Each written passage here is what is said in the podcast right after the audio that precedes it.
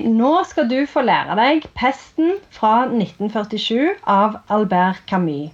Og den kan oppsummeres sånn. Pesten kommer, nesten alle dør, ganske mange er greie med hverandre. Ja. Og da har man på en måte Vi har jo gått gjennom eh, et verk av Camus før.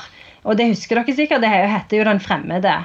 Og Det er jo et ganske sånn deprimerende verk hvor det er en fyr som dreper en annen, og så viser han ingen anger og skjønner ikke meningen med noen ting, og alt er bare trist. Men i denne boka her så er det jo faktisk sånn at du får litt sånn du, får, du blir litt glad, faktisk. Fordi at folk er veldig sånn ordentlige med hverandre. Og selv om det ikke er noen som er helter, så ser du liksom at vanlige folk gjør det de må i en nødsituasjon. akkurat sånn som vi gjør hjemme på berget i 2020.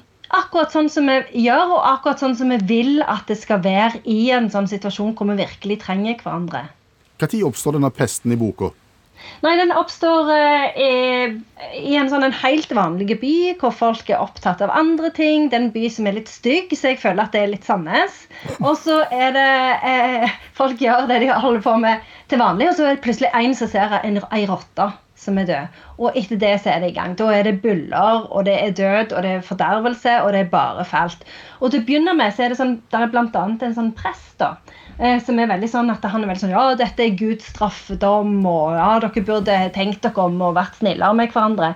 Men etter hvert så blir til og med han til og med han blir en fin fyr som tenker at ja, men kanskje, kanskje jeg heller skal hjelpe andre og være litt mer sånn forsonlig og satse på fellesskapet enn å drive og mase om at det er straff og, og sånne ting, da. Men situasjonen vi har nå, eh, kan vi lære noe av denne boka?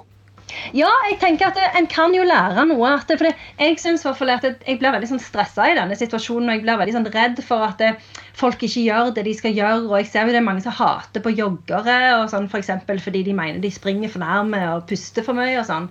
Men det som en kan lære i denne, eh, av denne boka, det er jo at folk vil hverandre godt. Og vi kan faktisk stole på hverandre. Vi kan stole på at vi, at vi vil hverandre vel, og at fellesskapet faktisk fungerer i en krisesituasjon. Og at det ikke blir sånn at folk reider butikkene og setter fyr på biler og sånn. Ja, men Du sliter jo med å finne på ting å gjøre, du òg, for du har jo begynt å dele ut bilder av eh, singelsamlingen din.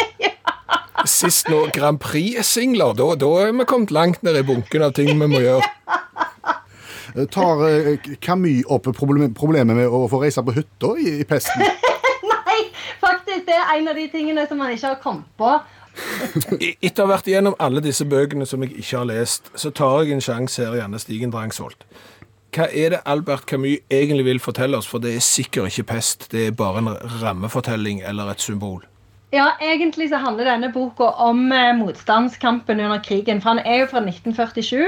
Så han, men han er jo litt det samme. da, Det er jo dugnad. Det er jo det det handler om. Stå opp mot en fiende, enten det er tyskerne eller et lite sånn virus.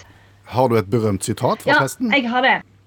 Det finnes mer hos menneskene å beundre enn å forakte. Den tar vi med oss.